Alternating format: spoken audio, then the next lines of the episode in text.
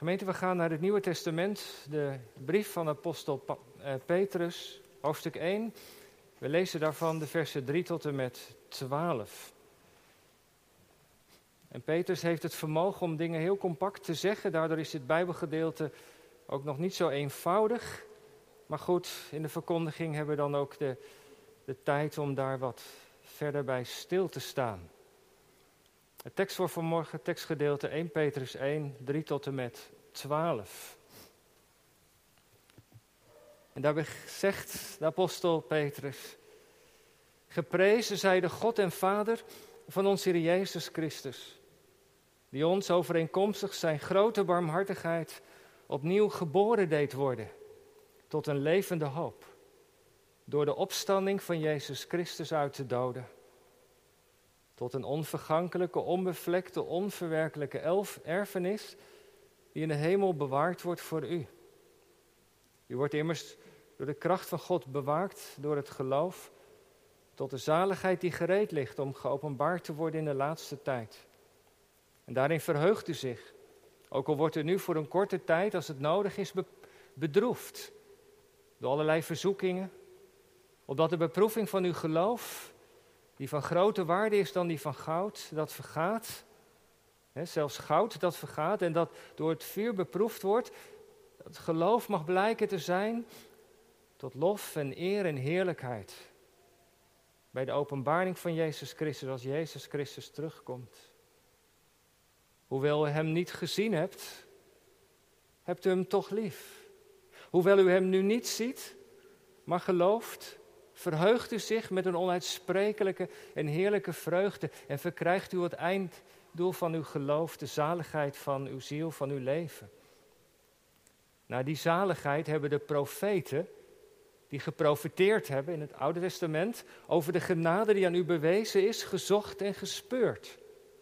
Zij onderzochten op welke wijze en wat voor tijd de geest van Christus die in hem was doelde toen hij tevoren getuigde van het lijden dat op Christus komen zou en ook van de heerlijkheid daarna. Aan hen werd geopenbaard dat zij niet zichzelf, maar ons dienden in de dingen die u nu verkondigd zijn.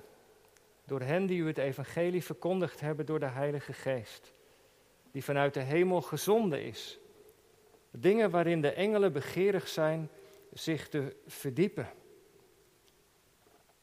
Tot zover de lezing van de woorden van God. Profeten hebben er naar uitgezien. Engelen zijn nieuwsgierig naar wat er onthuld is in het evangelie. En daarover gaat het vanmorgen.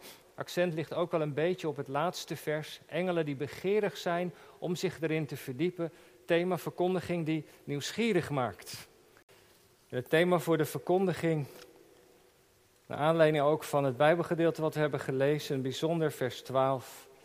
Verkondiging die nieuwsgierig maakt. Gemeente van de Heer Jezus Christus, u hier in de kerk en u die thuis meekijkt of meeluistert. Je komt ze vaak op middeleeuwse schilderijen tegen. Vaak bij de geboorte van Jezus zie je ze staan. Engelen. In het midden is daar Maria met het kind bijgestaan door Jozef die erop toekijkt. Maar aan de rand van de schilderij zijn vaak engelen te vinden. Nieuwsgierige engelen, dat kun je zien aan hun blik. Ze kijken naar wat er daar gebeurt. Daar is Maria en ze, de moeder van het kind, moeder van God. Ze heeft het kind Jezus in haar armen. God die mens werd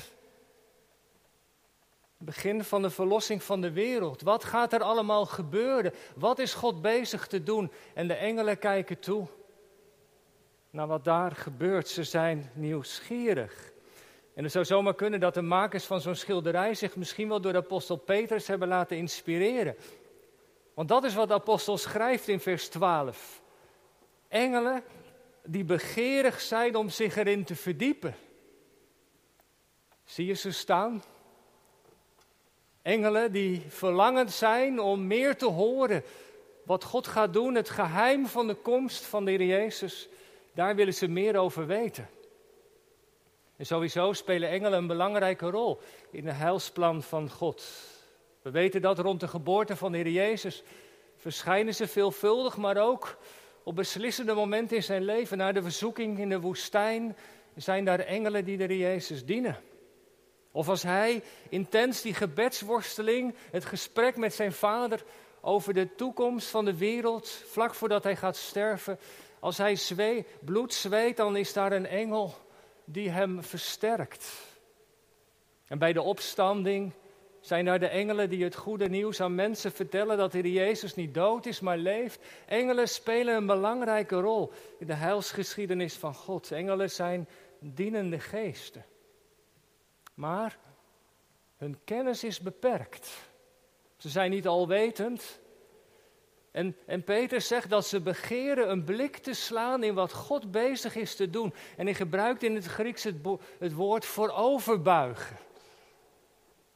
Zoals mensen dat doen in een stadion om voorover te buigen, om te kijken wat daar gebeurt. Al die toeschouwers die kijken, oké, daar gaat Max Verstappen. Zo buigen engelen zich voorover, ze zijn nieuwsgierig.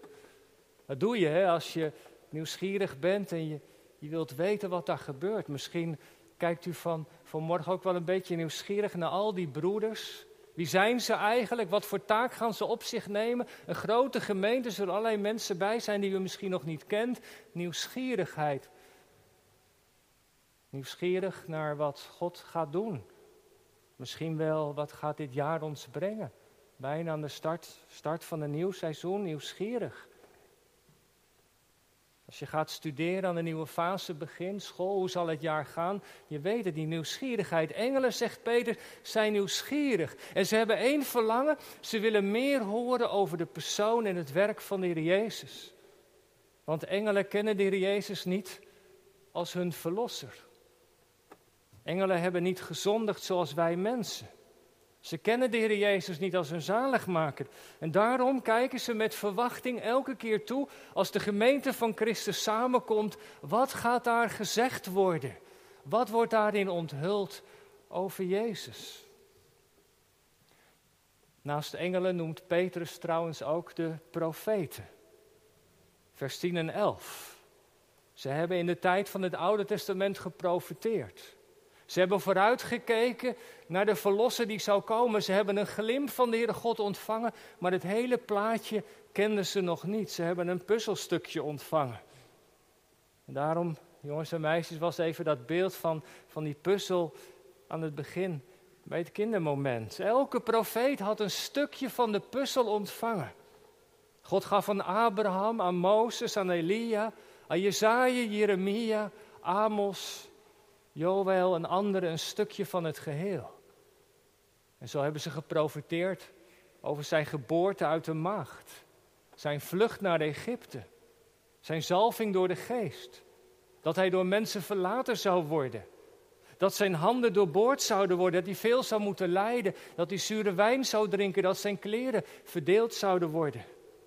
En het is allemaal gebeurd.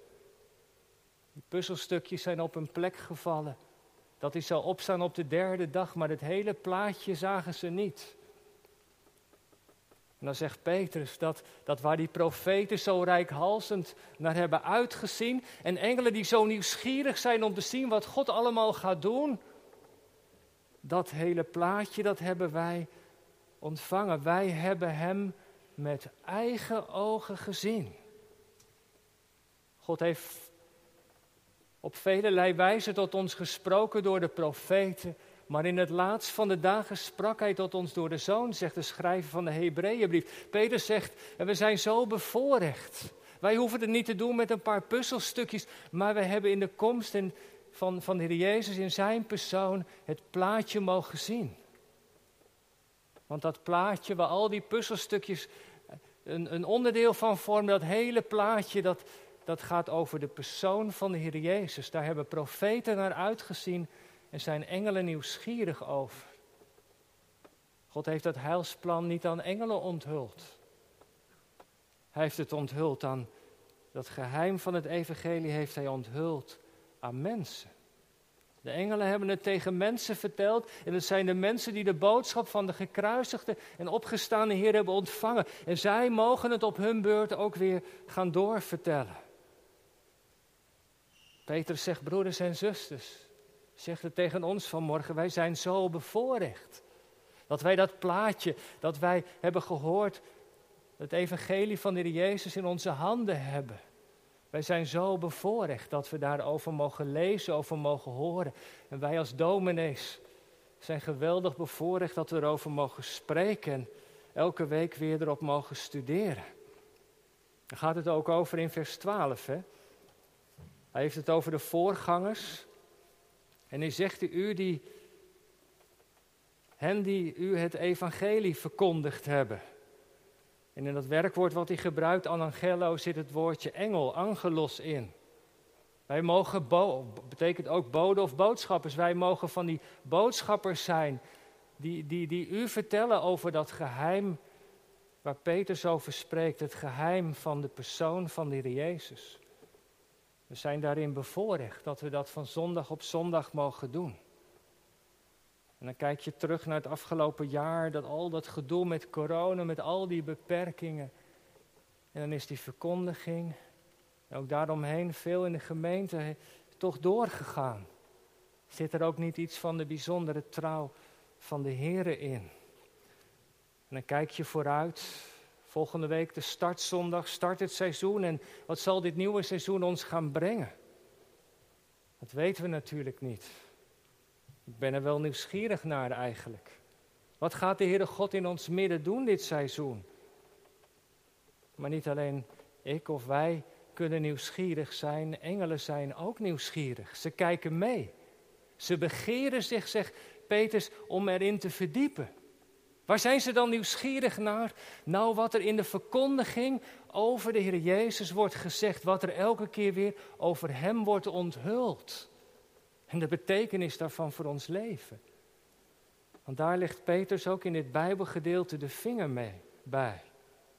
Kijk maar even naar het begin. Hij prijst God.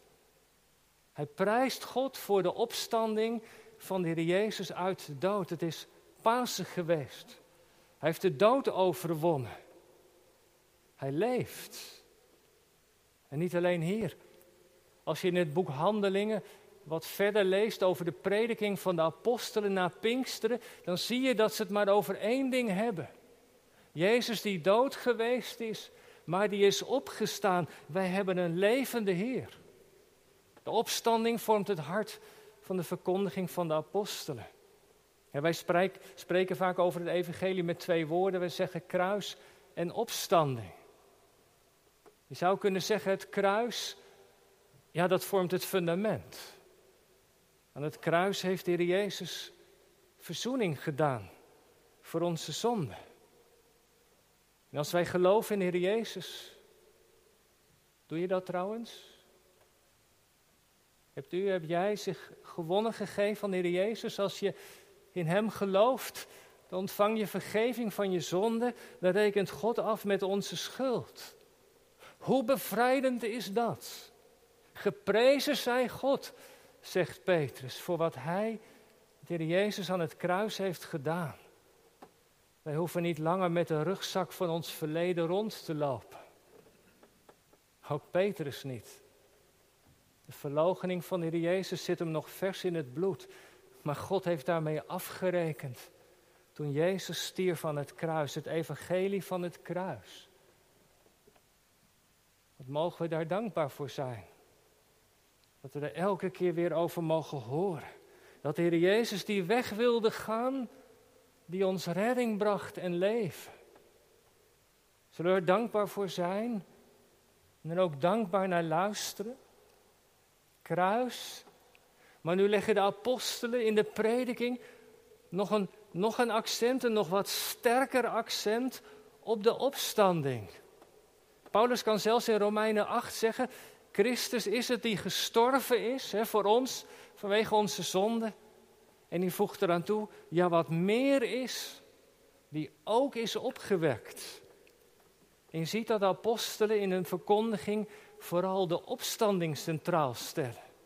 De Heer Jezus, die, dat was ook, ook mijn intrede-tekst even jaar terug hier in Gouda. Wij prediken Jezus Christus en die gekruisigd. Jezus Christus als de levende Heer. Die zich voor ons heeft laten kruisigen. In de apostolische verkondiging ligt het accent op de Jezus als overwinnaar over de dood. Waarom? Omdat Heer Jezus geen verleden tijd is. Niet de persoon van het verleden, maar Hij is de levende Heer.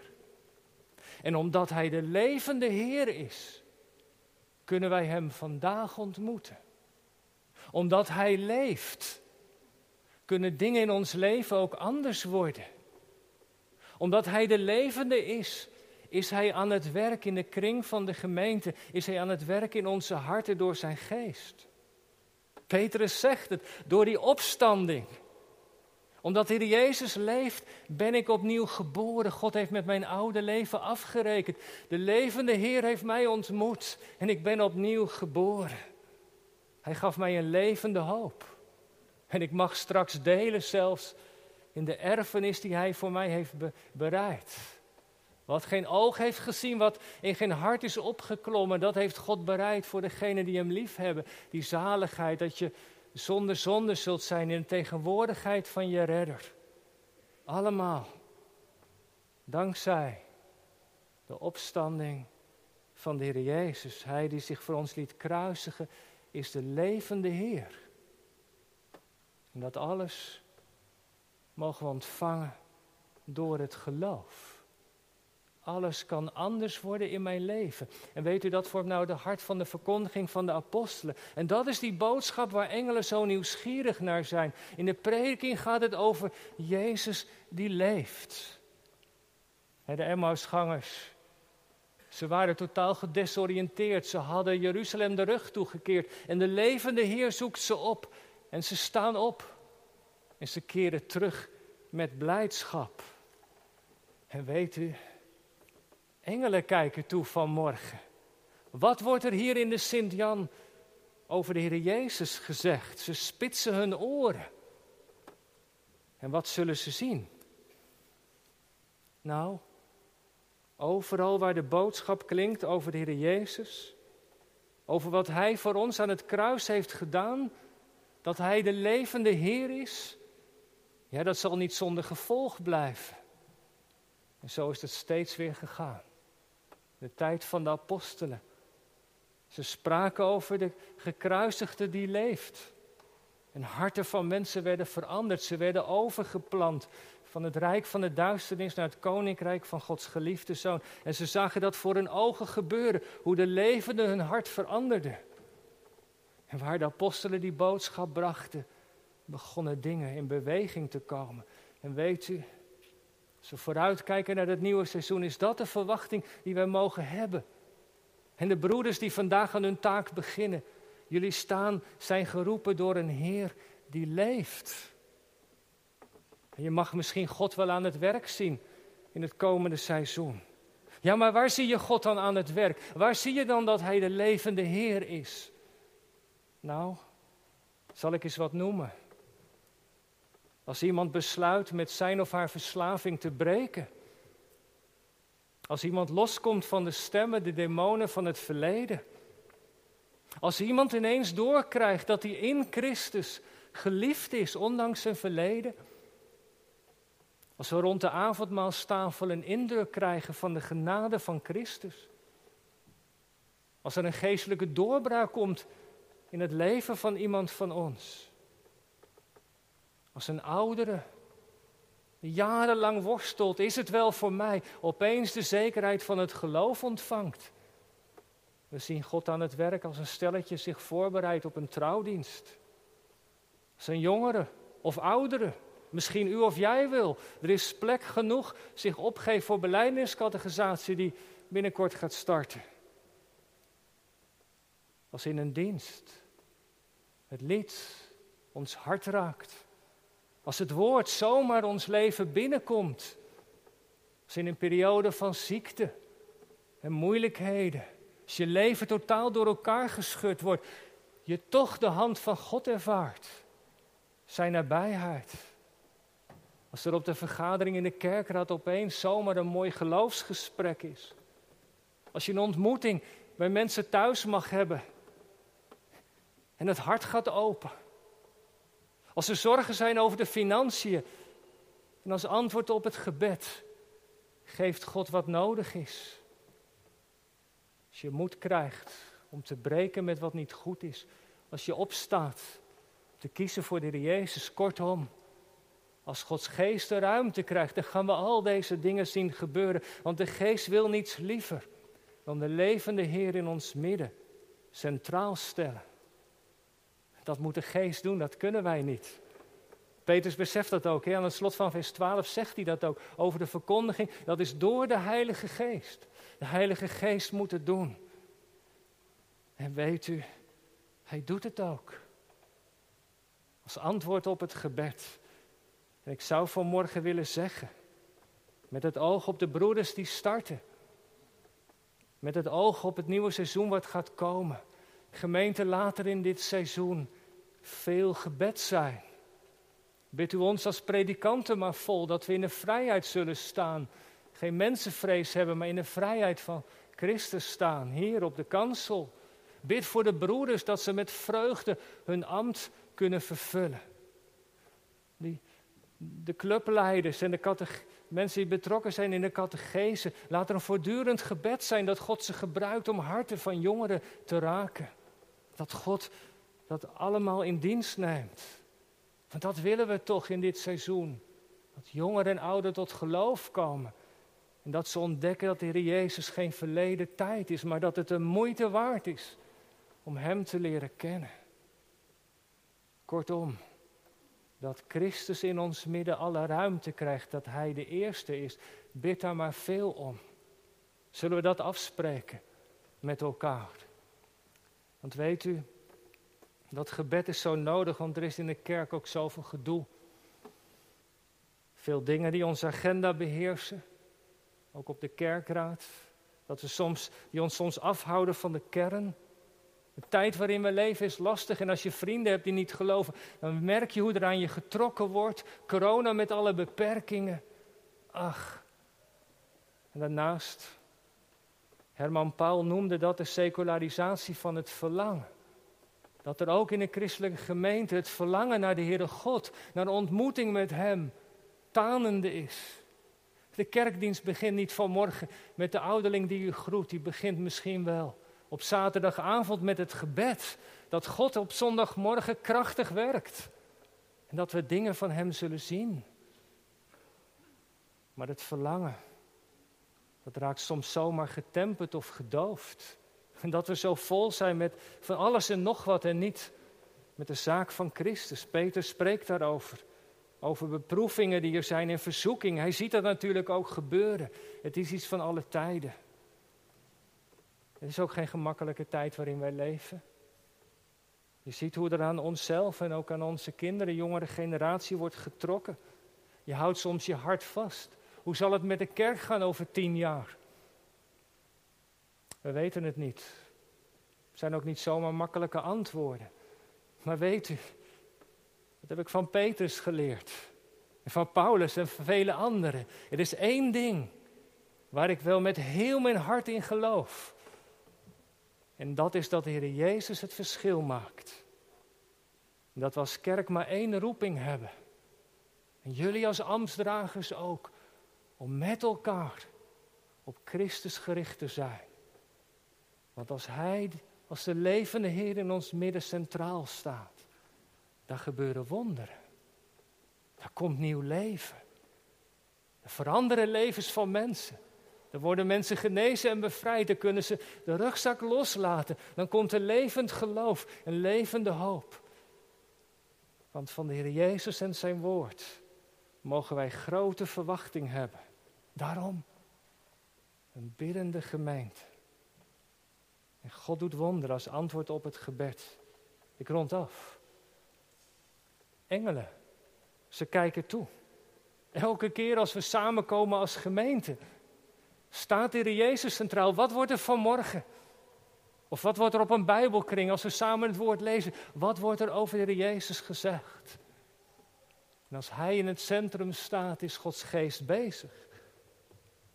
En wat zien engelen dan? Weet u wat zo mooi zou zijn? Ze deze vrucht zien, Petrus zegt, hoewel u hem niet gezien hebt, hebt u hem toch lief. Hoewel u hem niet ziet, maar gelooft en verheugt u zich met een onuitsprekelijke en heerlijke vreugde. Ze zien de liefde van Christus voor zondige mensen en hopelijk ook onze wederliefde voor Hem als een antwoord. En als Hij in alles in het midden staat. En als de Heer Jezus de liefde van ons hart wordt, voor het eerst of opnieuw, dan spitsen engelen zich de oren en verheugen ze zich. Er is vreugde in de hemel. Engelen dansen als er maar één zondaar is die zich bekeert. En dat gebeurt. Meer zelfs dan dat. Als de Heer Jezus in het centrum staat, zo hoop ik in het nieuwe seizoen dat we samen in die verkondiging weer mogen putten, oude en nieuwe schatten. En u nieuwsgierig maakt over wat God gedaan heeft en nog zal doen. Amen.